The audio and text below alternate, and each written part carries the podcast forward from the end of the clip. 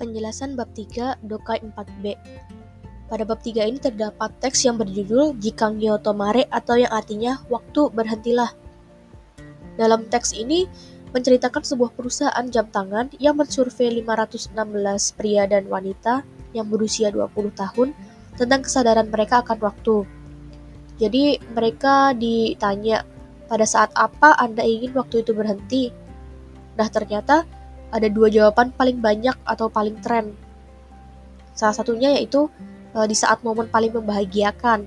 Karena katanya uh, saya ingin waktunya berhenti karena saya sedang bahagia. Sedangkan yang satunya lagi untuk menghindari hal-hal yang buruk.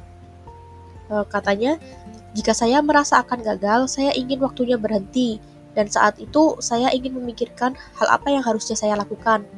Maksudnya untuk menghindari hal-hal buruk itu.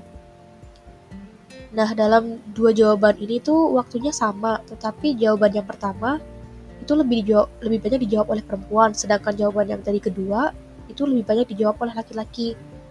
Nah, dari sini bisa dilihat bahwa laki-laki cenderung berpikir lebih pesimis. Selain itu, ada juga jawaban-jawaban yang hanya dijawab oleh perempuan.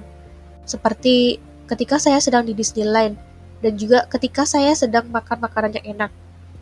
Namun, Jawaban yang paling banyak dijawab oleh perempuan dan laki-laki adalah ketika saya sedang bersama dengan kekasih saya. Nah dari sini bisa dilihat bahwa pada umur 20 tahun itu tampaknya adalah musimnya cinta.